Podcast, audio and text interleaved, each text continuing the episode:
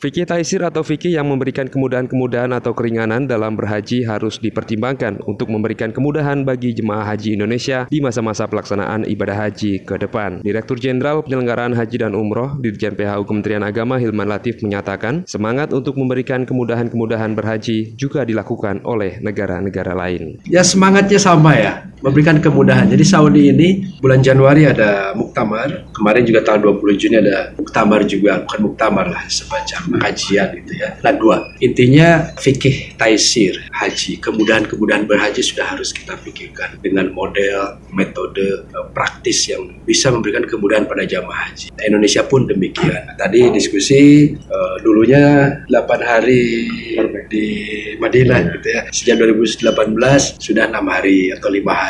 Negara-negara lain ternyata juga sama. Kita masih bertahan 8 setengah hari ya, 9 hari atau 8 hari. Nah ini ada banyak pertimbangan kemudian dari fikih fikih taisir yang juga kita kaji. Termasuk untuk di Muzdalifah bagaimana dan sampai terjadi lagi berarti jangan taruh orang di situ semuanya. Maksudnya sebagian sudah harus langsung ke Mina atau hotel di Arafah juga apa di Mina juga sama ya. Kita banyak lansia yang kemudian memaksakan untuk jumroh. Jaraknya jauh banyak yang tidak mampu ya. Nah, itu juga salah satunya.